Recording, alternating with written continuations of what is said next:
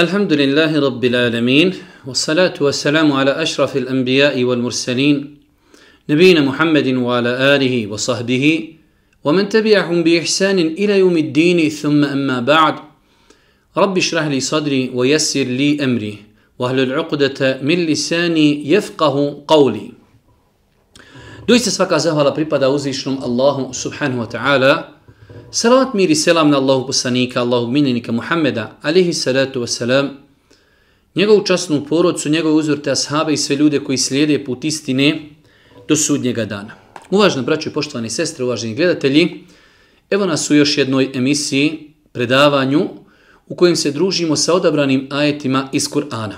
Večeras, ako Boga, družimo se sa surom An-Nahl, odabranim ajetima iz sure An-Nahl, mislim da je ovo naše 17. druženje u ovom serijalu. Uzviši Allah subhanahu wa ta'ala u suri An-Nahl u četvrtom ajetu kaže خَلَقَ الْإِنسَانَ مِنْ نُطْفَهِ فَإِذَا هُوَ خَصِيمٌ مُبِينٌ On, uzvišeni Allah, stvara čovjeka od kapi sjemena, a on odjednom otvoreni protivnik ili spori se sa uzvišenim Allahom subhanahu wa ta'ala. Uzvišnji Allah subhanahu wa ta'ala na dosta mjesta u Kur'anu spominje činjenicu da je čovjek stvoren od kapi sjemena. Halakal insane min nutfe, on stvara čovjeka od kapi sjemena. Insan iz ovog ajeta može shvatiti mnogo toga. Prva stvar da shvati koliko je insan slabašan. O insanu, o Allahov robe, nekada si ti bio kapljica sjemena. I ne samo kapljica sjemena, u toj kapljici sjemena jedna, jedna mala sićušna, znači jedno malo sićušno stvorenje, jedan spermatozoid, e to je bio u početku insan. Taj insan poslije vremenom i raste i napreduje i onda dođe na nivo da psuje Allaha, da psuje poslanike, da vrijeđa svjetinje, da utjeruje lažu poslanike koje Allah šalje i tako dalje. Pa nas Allah ovdje uči da je on taj koji stvorio čovjeka, ali ga je stvorio iz kaplice sjemena da mu ukaže kako je on slabašan i kako je malehan da se sjeti e, kada ga ponese ta njegova gordost i oholost, da se sjeti da je jednog dana prošao kroz spolni organ svoga oca i da je to samo jedna sitna kapljica sjemena. Pa da to insana spusti na zemlju, da se ne oholi, kaže uzvišeni Allah, halekal insane min notfe, on stvara čovjeka od kapi sjemena, a on odjednom otvoreni protivnik, on odjednom spreman da raspravlja, on spreman da ulaž utjerava Allaha, Đelešan gospodara zemlje i nebesa, da utjeruje ulaž i da se raspravlja sa poslanicima i tako dalje. Pa ovaj ajet nas uči, uči kako je insan slabašan, s druge strane uči nas da je Allah Đeršan taj koji stvara insana.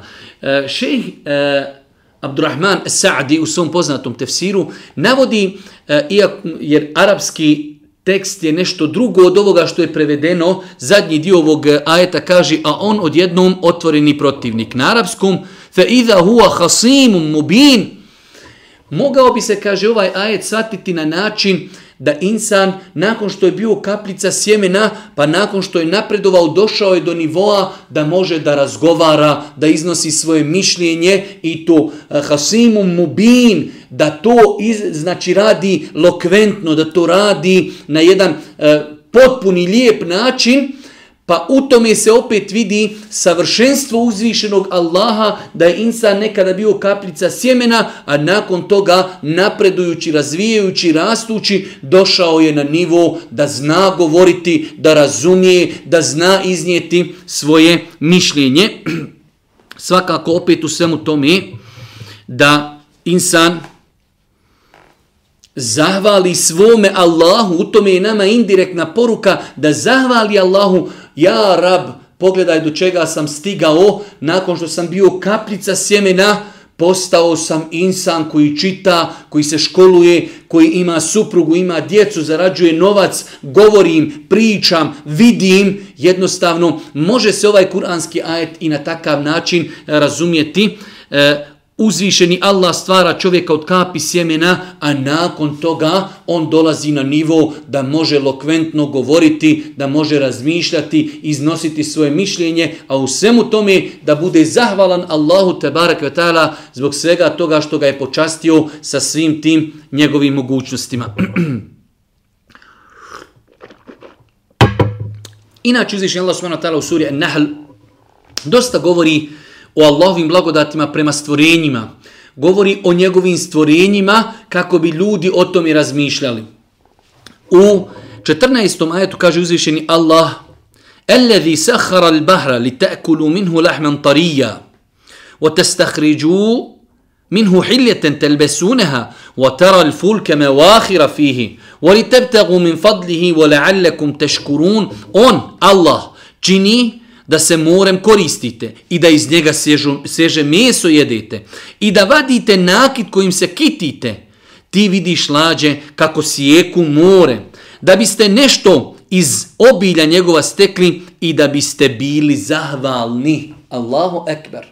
Allah ovdje navodi određene blagodati njegove prema ljudima, a na kraju to sve završava la'allakum tashkurun da biste vi bili zahvalni. Pa kaže uzvišeni Allah subhanahu wa ta'ala on čini da se morem koristite.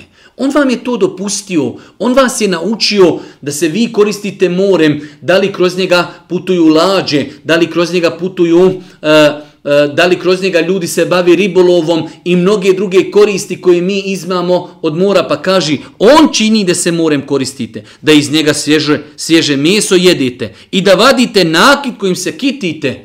U moru imamo toliko, znači raznovrsno e, vrste riba i mesa, u moru u školjkama imamo biserje za nakit kojim se ljudi ukrašavaju, prodaju, žive od toga, Pa kaže, ti vidiš lađe kako ga sjeku, da biste nešto iz obilja njegova stekli i da biste bili zahvalni. Allah nam pojašnjava e, ono što je stvorio za nas. More, u moru velika izobilja, svježeg mesa, nakit kojeg uzimamo, bisere, iz mora la'allakum tashkurun da budete svjesni da je to od Allaha Poslije ćemo govoriti ajet وَمَا بِكُمْ مِنْ نِعْمَ فَمِنَ اللَّهِ Sve što imate od blagodati, sve od Allaha. I more jedna velika blagodat na planeti, pa je to sve od Allaha لَعَلَّكُمْ تَشْكُرُونَ Da budete zahvalni Allahu na onome čime vas je obskrbio. Nakon toga, u 17. i 18. majetu u suri En-Nahl, Allah Žešanu kaže أَفَمَنْ يَخْلُقُ la لَا يَخْلُقُ أَفَلَا تَذَكَّرُونَ وَإِنْ تَعُدُّ نِعْمَةَ Allahi, la tuhsuha, inna Allahe la gafurur rahim. A da li je onda onaj koji stvara kao onaj koji ne stvara? Urazumite se, Allah postavlja pitanje i pita ljude, ama je li isti onaj koji stvara i onaj koji ne stvara? Ama nisu isti nikako. Urazumite se. Je li isti onaj kameni kip koji stoji i ljudi mu se uh, robuju i obožavaju ga? I isti je onaj koji stvorio zemlju i nebesa, stvorio čovjeka, stvorio kosmos. Jesu li isti? Ama nisu isti. Ljudi, šta vam je? Zašto ne razmišljate? Kamen, Buda, stoji čitav život, zemljotres, nagela se, slomila se i tako dalje. Je li isti onaj ko ne može stvoriti i onaj koji može stvoriti i ne samo stvoriti i usmrtiti i ponovo proživjeti? Nisu isti. Samim tim naš odnos prema njima nije isti. Onaj ko, ko stvara, to je gospodar. Njemu robujemo, njemu i badete činimo, od njega strahujemo. Za razliku od onoga ko ne može stvoriti samim tim, on nije samim tim, on nije božanstvo. Kaže Allah, a da li je onda onaj koji stvara kao onaj koji ne stvara? Urazumite se. Ako vi budete brojali Allahove blagodati, nećete ih nabrojati. Allah u istinu prašta i samilostanje. Allah zna šta tajite i šta javno iznosite. وَإِن تَعُدُّ نِعْمَةَ اللَّهِ لَا تُحْسُوهَا Vi ako budete brojali Allahove blagodati, pokušate ih prebrojati, nabrojati, izbrojati, nećete moći. Allahu ekber. O Allahovi robovi, braćo i sestre, toliko je nijamita i blagodati kojima nas je Allah počastio od mira, od blagostanja, od zdravlja, od potomstva, od državi, od savremenih dostignuća, blagodati, blagodati, u fi enfusikum efela tubsirun i u vama samima, koliko bi se moglo samo govoriti o čovjekovom mozgu, o očima, o koži, o srcu, o bubrezima i tako dalje. Sve su to Allahove blagodati, sve su to nijemeti, kada bi samo željeli o tome da govorimo. Pa Allah Đelšanu ljude upozorava, napominje, wa in ta'uddu ni'met Allahi, la tuhsuha. Ako bi vi željeli da prebrojite Allahove blagodati, nećete to moći učiniti. Pa šta se od nas očekuje? Da budemo zahvalni Allahu, da te blagodati koje imamo, da ih koristimo na halal način, Allah nam dao vid, kako ga koristimo? Allah nam dao slu, kako ga koristimo? Allah nam dao jezik, kako ga koristimo? I tako dalje.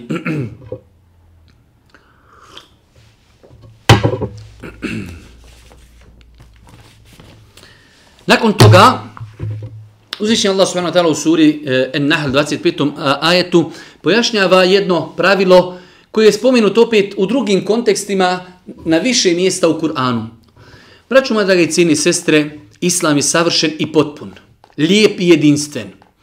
Insan u Islamu, kada druge ljude poziva dobru, imaće nagradu za sve što ono oni uradi, čemu ih je on pozivao. A kada ih pozove zlu, širi nemoral, širi davalet i zabludu, imaće grijehe koje su oni činili, a da ništa od njih neće umanjiti. Pogledajte kako islam pravedan i potpun. Čovjek ima znanje, poziva ljude tom znanju, poziva ih moralu, poziva ih namazu, poziva ih hijabu, poziva ih Kur'anu, što god oni budu praktikovali. Oni imaju sevape i on će imati takve sevape. Ništa se od toga njihovog neće umanjiti. Ali isto tako, ako bude pozivao nemoralu, bude pozivao grijesima kao što to danas čine naši mediji, pozivanje nemoralu, pozivanju grijesima, pozivanje ateizmu, da ne postoji Bog i tako dalje, onaj ko to čini, imaće grijehe svih oni koji budu radili ono čemu je on pozivu, da neće ništa umanjiti od njihovih grijeha. To je apsolutna pravda.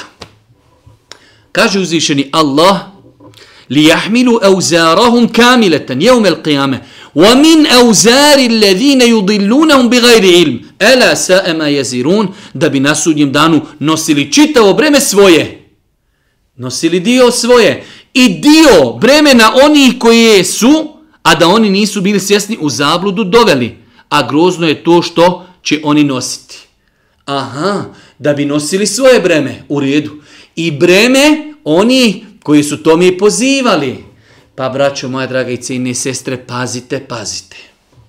Sutra će čovjek umrijeti. Koliko danas imate ljudi koji su umrli? Neki od njih nakon njihove smrti dobra djela im i danas dan teku. Pogledajte Gazi Husrevbega. Kada je umro i danas dan nakon 500 godina njegova džamija radi. U njoj se namazi klanjaju, u njoj se Kur'an uči, njegova medresa radi. Pro, proizvodi se kadar koji ljude poziva Allahu te barkvetal, a on se zato ima se vape. I prija njega mnogi vakifi, i mnogi alimi, i mnogi učenjaci koji su pisali knjige, pa se narod koristi tim knjigama. Sve to njima se vapa, ali isto tako imamo ljude koji su ljude pozivali u grijehe, pa umrli, ali i dalje je taj trag ostao. Čovjek otvori diskoteku i umri. Ona nakon njega radi, a njemu i dalje grijesi idu. Zato je Boži poslanik rekao za dvojicu sinova Ademovih. Jedan je ubio drugog. Nikada se kaže na zemlji neće bespravno proliti nečija krv, a da Ademov sin u tome neće imati procenat. Pazimo se, braćo, šta ćemo ostaviti za sebe? Hajr, u kojeg će se ljudi ugledati, od čega će nama dobra djela rasti, ili ćemo ostaviti za sebe zlo u koje će se ljudi ugledati. Koliko je sada pjevača koji su pod zemlji, ali njihove pjesme, njihova muzika i danas dan se sluša. zbog toga će odgovarati. I dok god se to bude slušalo, sve će njima grijesi, grijesi i dalje dolaziti. Nakon toga, u 36. ajetu, uzvišnji Allah s.w.t. u suri Nahl govori o jednom univerzalnom pravilu, a to je zašto su slati svi poslanici. Evo danas imamo jednu malu diskusiju na Facebooku, a to je je li moguće, je li istina da su svi poslanici prije Muhameda bili muslimani, da su pozivali islamu? Da, apsolutno da.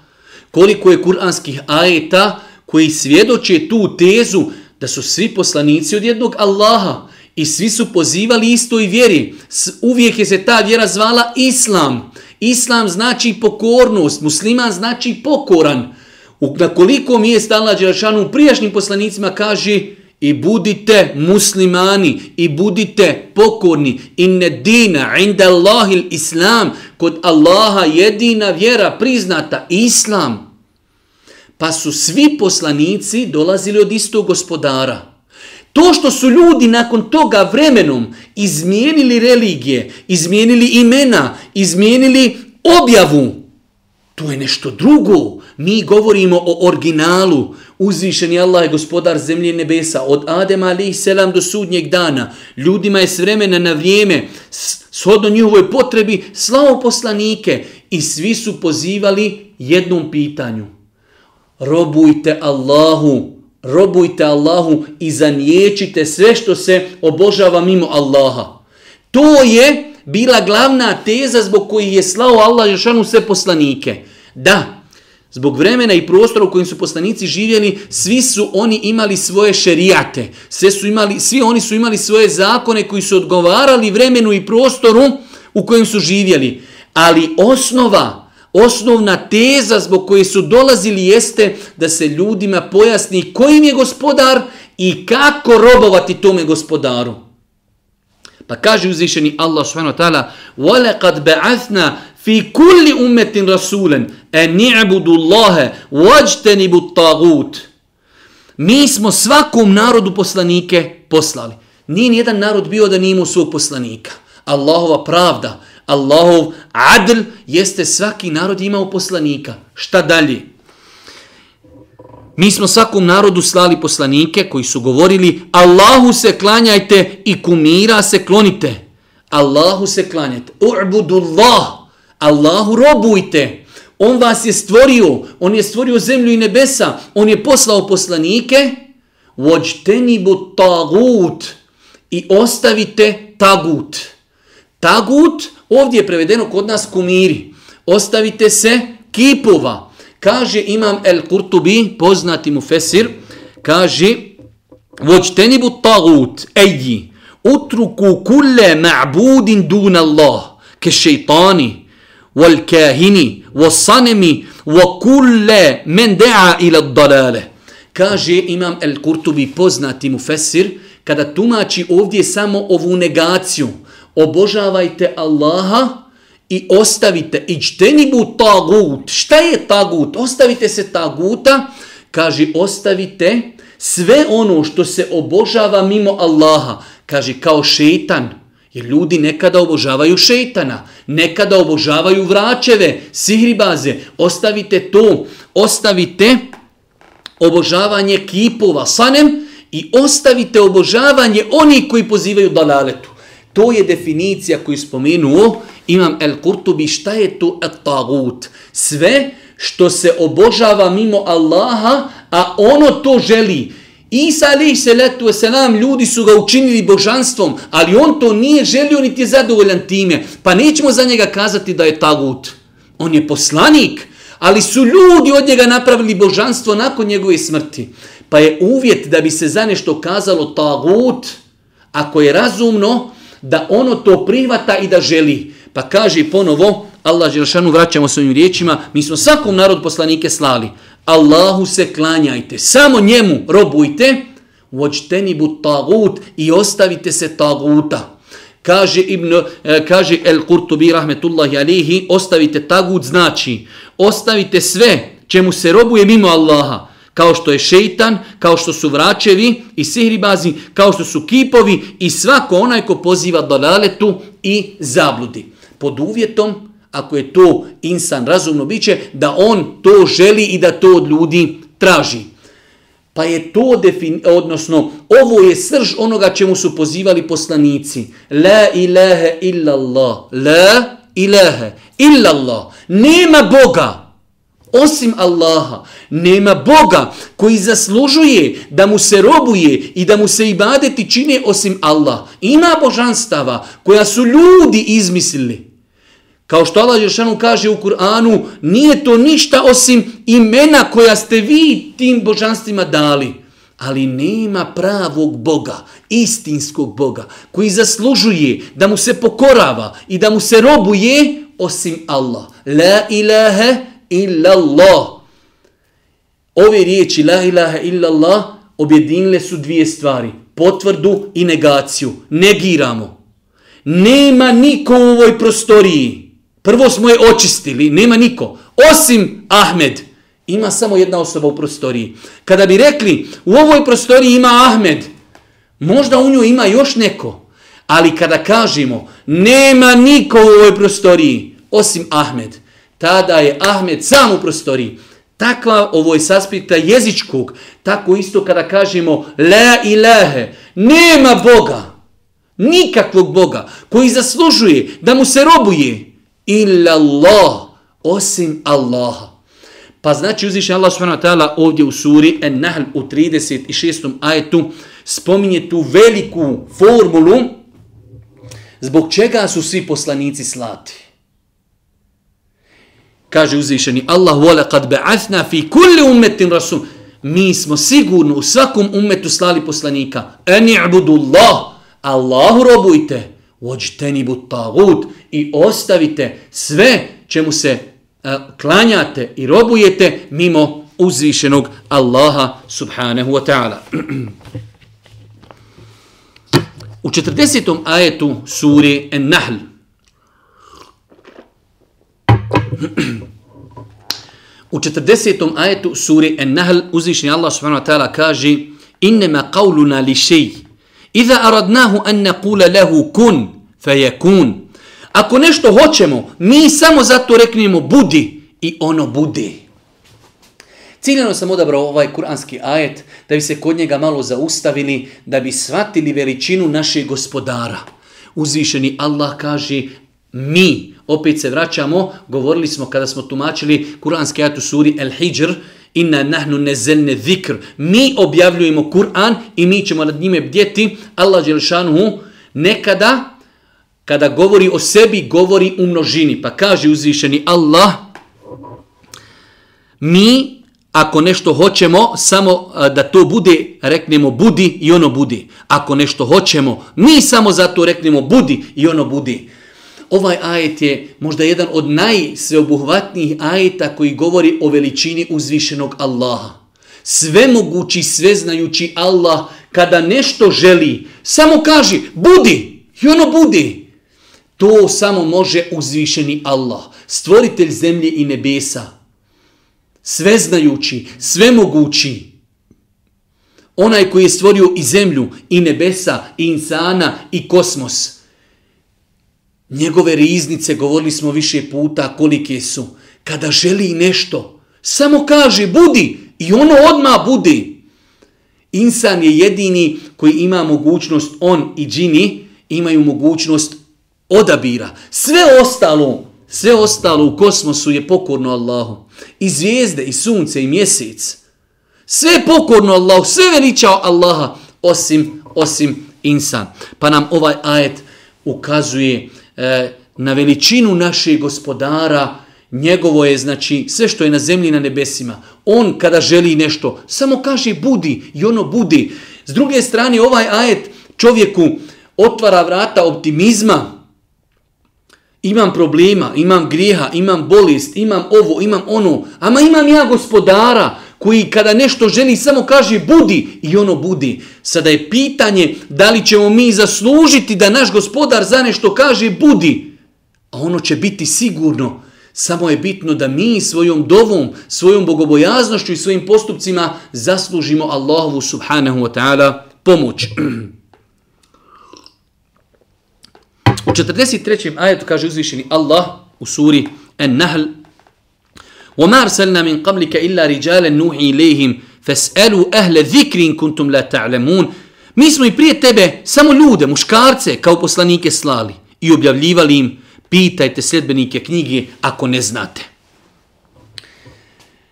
Allah Žešanu ovdje pojašnjava ljudima koji su tražili zašto nije poslanik, melek i tako dalje, kaže uzvišeni Allah subhanahu wa ta'ala, mi smo i prije tebe samo ljude kao poslanike slali.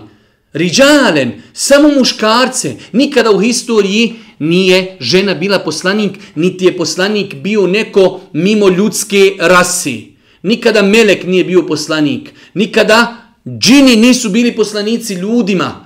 Pa Allah Đelšanu kaže, mi smo i prije tebe samo ljude, muškarce kao poslanike slali i objavljivali im. Pitajte sedbenike knjige ako ne znate.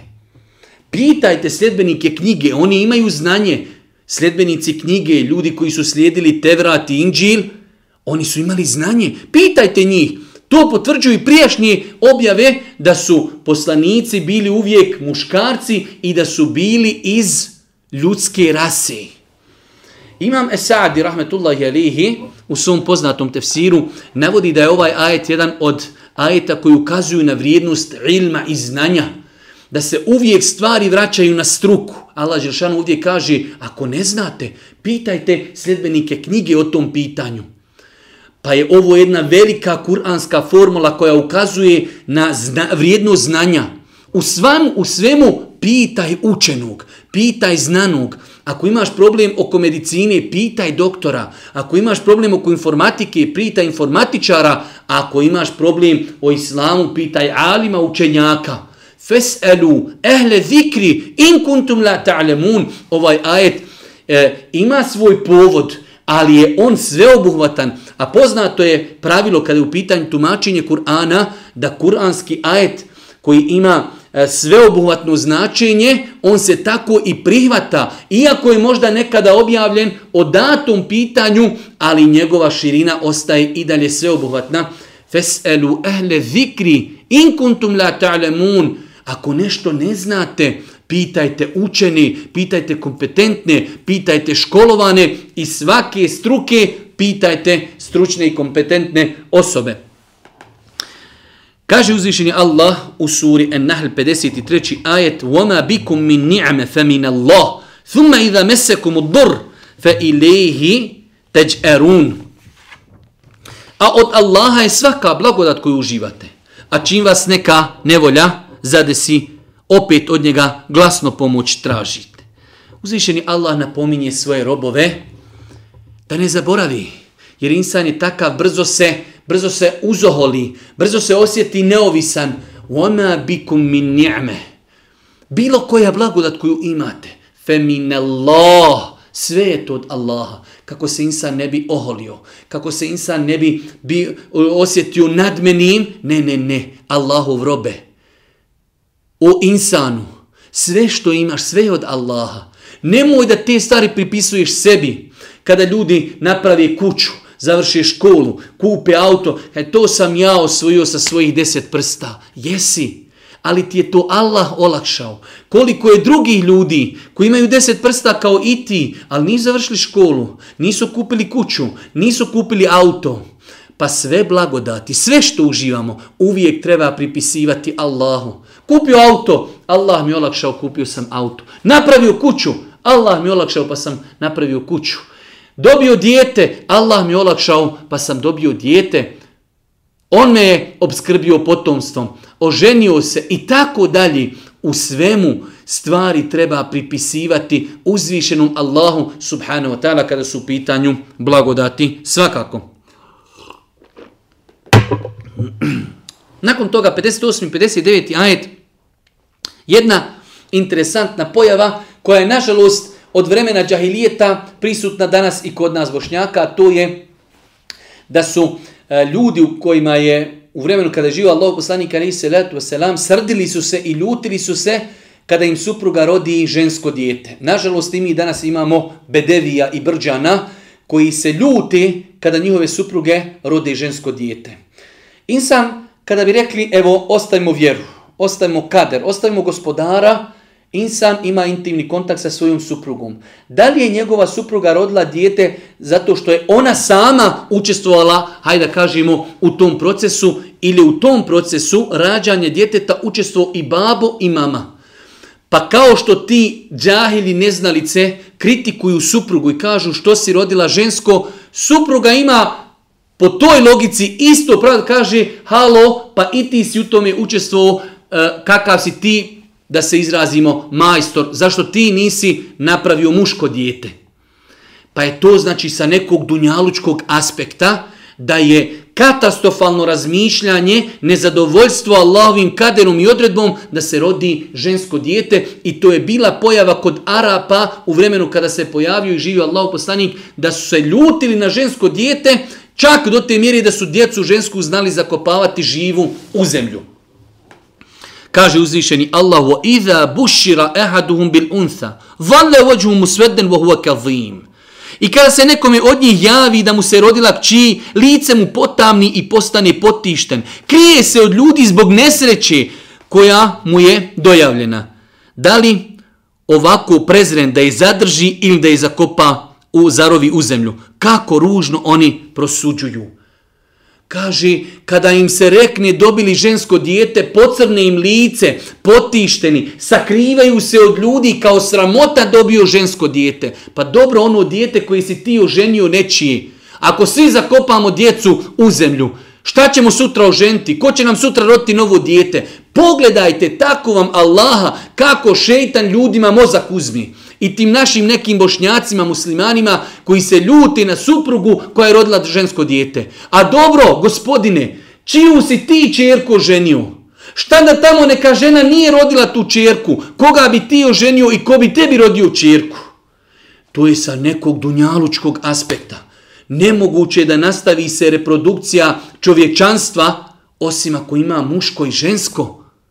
To je sa dunjalučkog aspekta da ne govorimo s aspekta ahiretskog, da ne govorimo s aspekta kadera, hvala Allahu neke dijete živo i zdravo.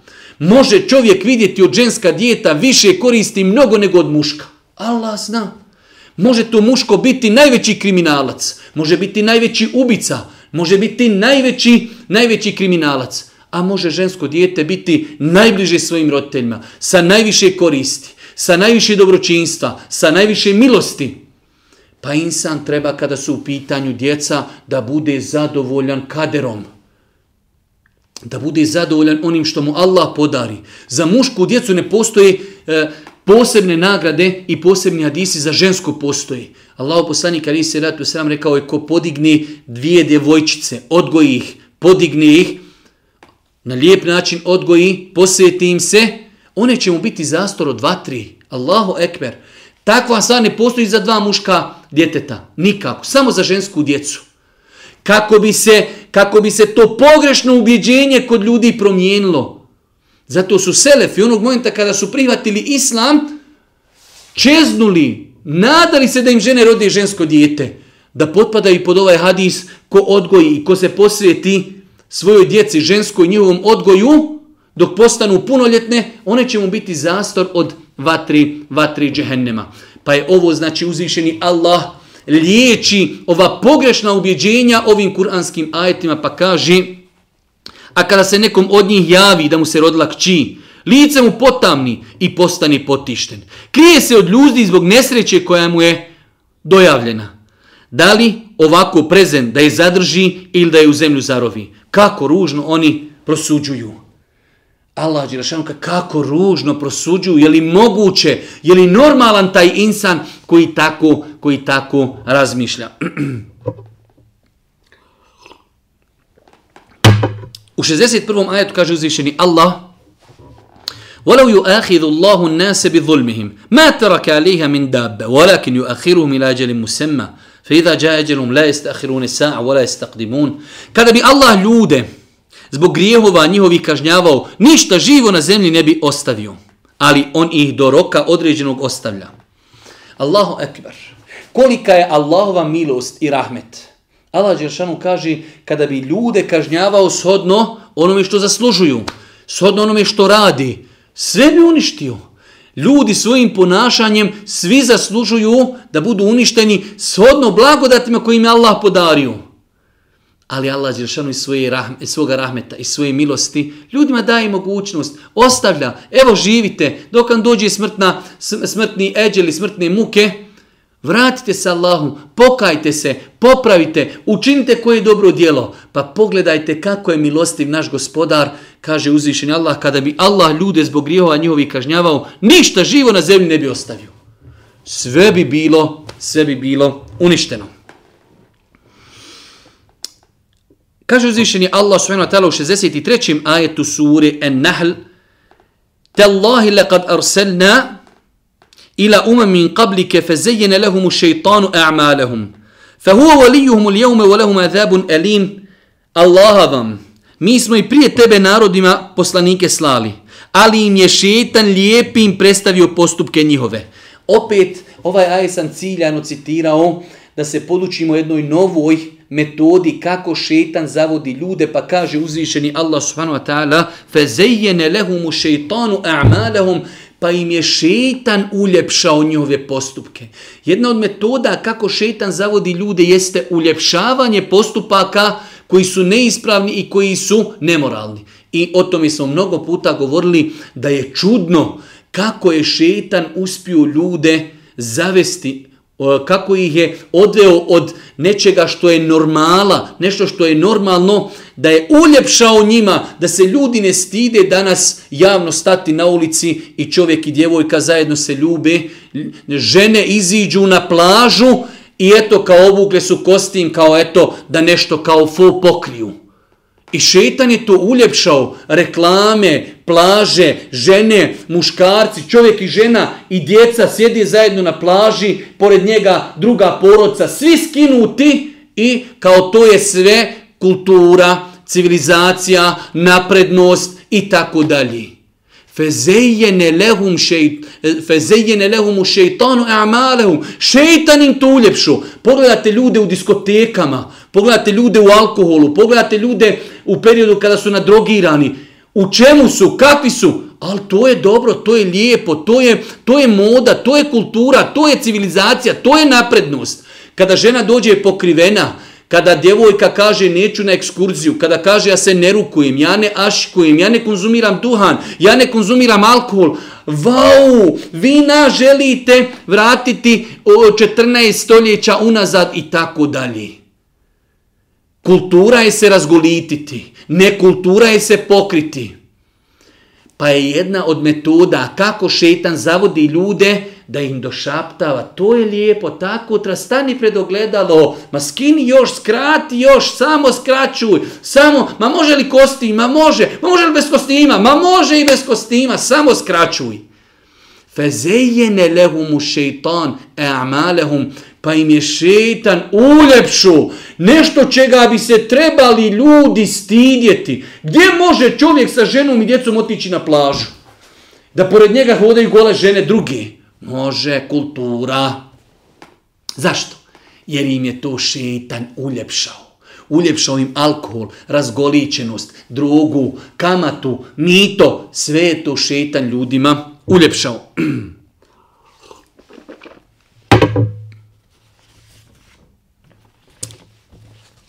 U 68. i 69. ajetu uzvišnji Allah s.w.t. govori o pčeli i zato je ova sura i dobila naslov ili naziv en nahl pčele.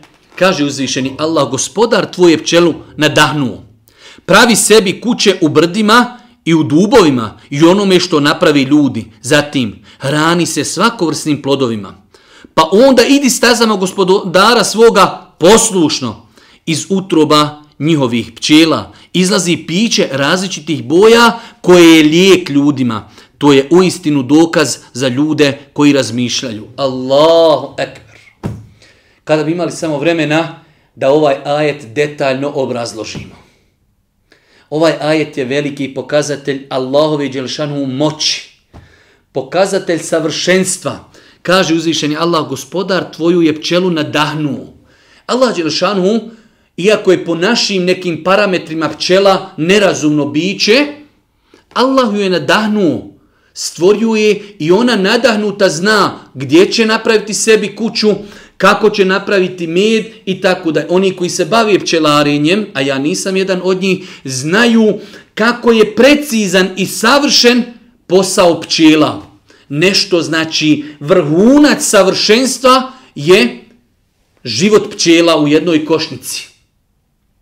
Koliko je čovječanstvo potrebno pčela, znamo da prije nekoliko godina kad se pojavilo ono izumiranje pčela u Americi, pa su pokušali analizirati kakav će biti život ako pčela nestani, ako nema oprašivanja.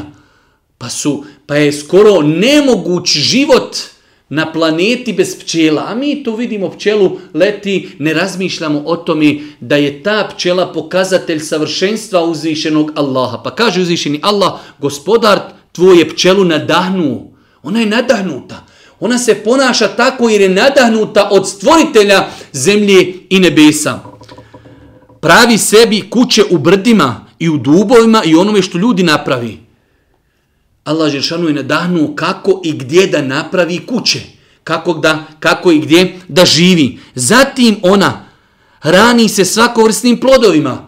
Pčela ide od cvijeta do cvijeta, od cvijeta do od cvijeta, od vočke do vočke, sakuplja, sakuplja plodove, pa onda idi stazama gospodara svoga poslušno.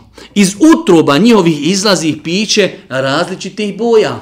Vi imamo med nekada crn, nekada e, žut, nekada svijetan i tako dalje. Shodno onome šta je pčela konzumirala. Kaže uzvišeni Allah subhanahu wa ta'ala, Jehruđu min butunja šerabom muhtelifun elvanuhu fihi šifa'un lin nas, a u njemu je lijek, u njemu je ozdravljenje za ljude. Pogledajte koliko je Allah milostivi savršen. Stvorio je tu pčelu koju je nadahnuo kako da ide, kako da radi, kako da proizvodi, a taj proizvod, on je lijek nama.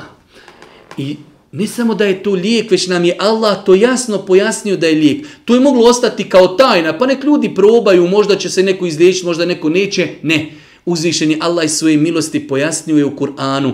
Ovo je pčela, ona je nadahnuta, ona radi onako kako je gospodar naredio, iz njenih utroba izlazi piće, šerabun, različitih boja, a u njemu je lijek za vas i vaša oboljenja koliko je samo ovdje naučnih teza, koliko je ovdje naučnih činjenica, pčela proizvodi med, različite boje, koristi za bolesti i tako i tako dalje. Kaže Allah poslanik ali se letu selam u vjerodostojnom hadisu kaže lijek je u troje. Lijek je u hidžami, lijek je u pijenju meda i lijek je u kauterizaciji. Arapi su imali jedan način liječenja, to je da usijaju neko željezo i opet shodno nauci svojoj i e, iskustvima, da e, znači sprlje čovjeku određena, određena mjesta na tijelu i od, na taj način su liječili ljude od određenih bolesti, ali poslanik kaže ja svom umetu zabranjujem kauterizaciju, iako je ona i danas dan prisutna i poznata kod ljudi. Ali ono što je ostalo potvrđeno da je lijek u hijjami i da je lijek u konzumiranju u konzumiranju meda. Kaže uzvišeni Allah, iz utroba njihovi izlazi piće različitih boja koje je lijek ljudima, to je uistinu dokaz za ljude koji razmišljaju. Ko razmišlja, on će vidjeti u toj pčeli, u tom medu, u tom lijeku, vidjet će već veličinu Allaha, vidjet će istinitost poslanika, vidjet će istinitost Kur'ana. To je onaj ko razmišlja, onaj ko, ko je objektivan, onaj ko ne želi da svati, kada im bunju sve ajete, on neće da razumi da svati.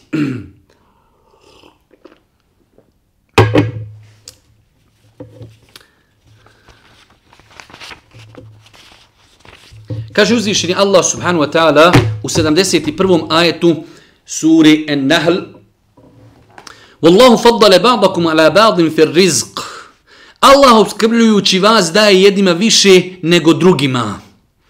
Allah ljude obskrbljuje neke više, neke manje. Insan treba da zna tu tezu, treba da zna tu činjenicu rizke od Allaha. Allah daje nekome više, nekome daje manje. Neko će više odgovarati, neko će manje odgovarati. Pa insan treba da bude zadovoljan sa rizkom i nafakom.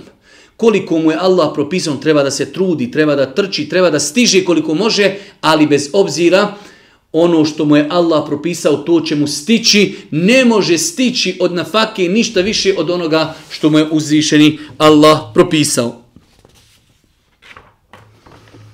Kaže uzvišeni Allah subhanahu wa ta'ala u 78 ajetu sure An-Nahl Wallahu akhrajakum min butuni ummahatikum. Allah vas iz, iz trbuha majki vaši izvodi. Vi ništa ne znate i daje vam snuh i vid i razum da biste bili zahvalni. Allahu ekber.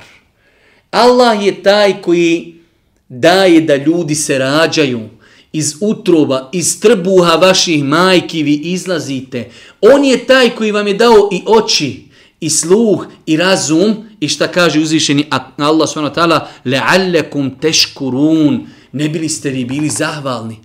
Allah vam je Allah vam je dao, omogućio da budete u trbuhu svoje majke, da iziđete, da se rodite. On je taj koji vas je obdario, on je taj koji vam je podario i oči, i sluh, i razum. Ne bili bili zahvalni Allahu te barka ta'ala. Oči, da njima spoznate veličinu Allaha, uši da slušate pa da spoznate istinu, razum da dokučite dokaze postojanja Allaha, istintosti Kur'ana, istintosti Muhammeda alihi salatu wasalam, la'allekum teškurun. Ne bili vi bili zahvalni, ne bili vi Allahu zahvaljivali zbog tih blagodati koje vam je podario uzvišeni Allah subhanu wa ta'ala. U 90. ajetu suri En-Nahl je onaj poznati ajet kojeg mi slušamo svakog petka na hudbama. E, u većini slučajeva svaki efendija, imam, hafiz, svoju udbu završi sa onim poznatim ajetom. Vjerujem da velik broj ljudi zna taj ajet na pamet iz razloga što ga svakog puta e, svakog petka slušaju inna Allaha ya'muru bil adli wal ihsani wa ita'i dhil qurba wa jenha 'anil fahšai wal munkari wal baghi ya'idhukum la'allakum tadhakkarun poznati ajet iz sure An-Nahl 90. ajet E, u kojem uzvišeni Allah subhanahu wa ta'ala je naredio tri stvari, zabranio tri stvari, jedan od najsveobuhvatnijih ajeta u Kur'anu. Kamo sreći da se jedna hudba godišnji posvijeti komentaru i tumačenju ovog ajeta, kojeg svi možda znamo na pamet, a ne znamo njegovo značenje. Pa kaže uzvišeni Allah, inna Allahe je'muru bil adl. Allah zahtijeva da se svačije pravo poštuje. Allah naređuje pravdu. Bukvalno prevedeno, inna Allahe je'muru bil adl. Allah naređuje pravdu. I pravda je, rekli smo, najbolji opis Islama. Islam je u svakoj pori svojoj pravedan. Prema supruzi, prema djeci, prema roditelju, prema komši, prema muslimanu, prema nemuslimanu, prema životinjama, prema svemu. Pravda, adl. Ibn Taymiyyah rahmetullahi alihi navodi u svojim fetvama pa kaže neko celefa je kazao Allah će pomoći nemuslimansku državu kada bude pravedna a dozvolit će da se sruši i skrha ži, e, država muslimanska ako nije pravedna. Pravda je temelj dunjalučkog uspjeha. Inna Allahe ja'muru bil adl.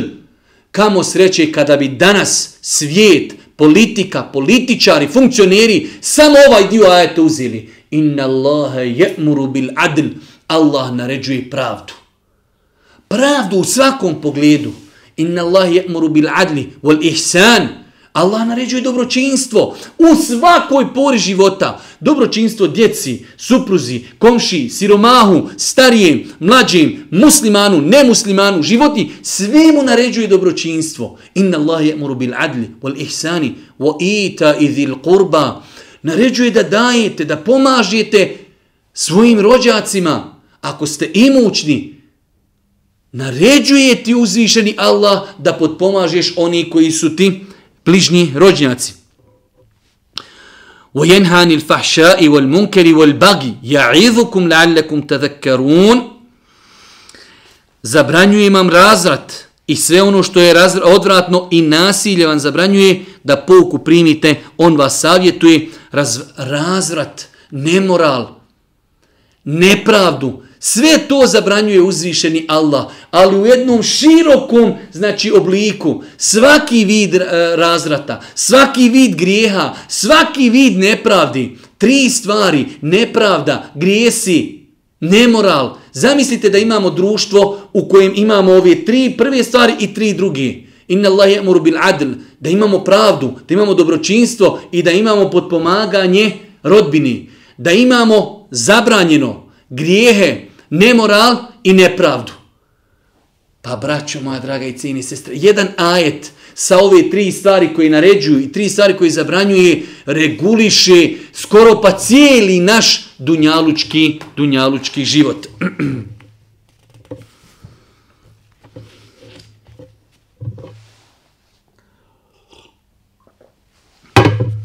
U 96. i 97. ajetu sure En-Nahl dva mnogo interesantna ajeta. Kaže uzvišeni Allah Ma indakum jenfed, wa ma inda Allahi baq.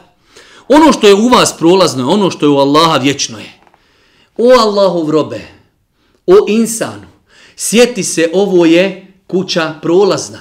Mi ovo što imamo je prolazno. Sutra ćeš umrijeti i sve što si imao ostaje tvojim nasljednicima. A ono što je u Allaha, ono je vječno. Je li razumno, isplati li se zbog ovog prolaznog dunjaluka prodati vječni ahiret? Je li se isplati zbog bilo kakvog posla ostaviti namaz, ostaviti post, ostaviti hijab? Šta mislite da nas to košta vječnog ahireta?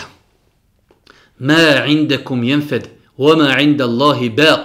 Ono što je u vas, prolazno je. Ono što je u Allaha, to je vječno. Zbog toga se zasluži truditi, raditi, saburati, trpiti. Zašto? Jer je to vječno. Pa insan treba da se preispita. Ne smije dozvoliti da vječni ahiret proda zbog dunjaluka i dunjalučkih provalaznih užitaka. Kaže uzvišenje Allah u 97. ajetu Men amile salihan min dekerin au untha wa huwa mu'min fele nuhi jennehu hajaten tajibe. Ko bude radio dobra djela, bio muško ili žensko, ali je mu'min, mi ćemo mu dati da proživi lijep život. Allahu ekber, kako je ovaj ajet širok, savršen, lijep. Onaj ko bude radio dobro, ne, ne radi grijehe, ne radi zlo, radi dobro, Muškarac ili žena? Elhamdulillah. U islamu su i muško i žensko u tom pogledu isti. Wa huwa mu'min. On vjeruje u Allaha. Vjeruje poslanika. Iskreno radi radi Allaha. Fele nuhijennehu hajaten tajibe, Da ćemo mu da proživi lijep i lagodan život. Kažu islamski učenjaci imaju pet ili šest različitih tumačenja šta znači lagodan život. Pa su jedni rekli, da će biti zadovoljan. Zadovoljstvo je jedno od najvećih bogatstva na svijetu. Jedni kažu Allah će mu dati halal obskrbu. Jedni kažu bit će sretan. Jedni kažu da će mu Allah otvoriti srce da ide putem pokornosti, da voli pokornost i tako dalje. Ali je pojenta onaj ko bude radio dobra djela. Bio muško ili žensko. A vjeruju u Allaha. On je vjernik mi ćemo mu dati da proživi lijep život, lagodan život, sretan život, zadovoljan, sretan, halal obskrba. Sve su to obećanja od uzvišenog Allah s.w.t. onome ko bude radio dobra djela. Bio muškarac ili žena, ali je u svemu tome vjernik.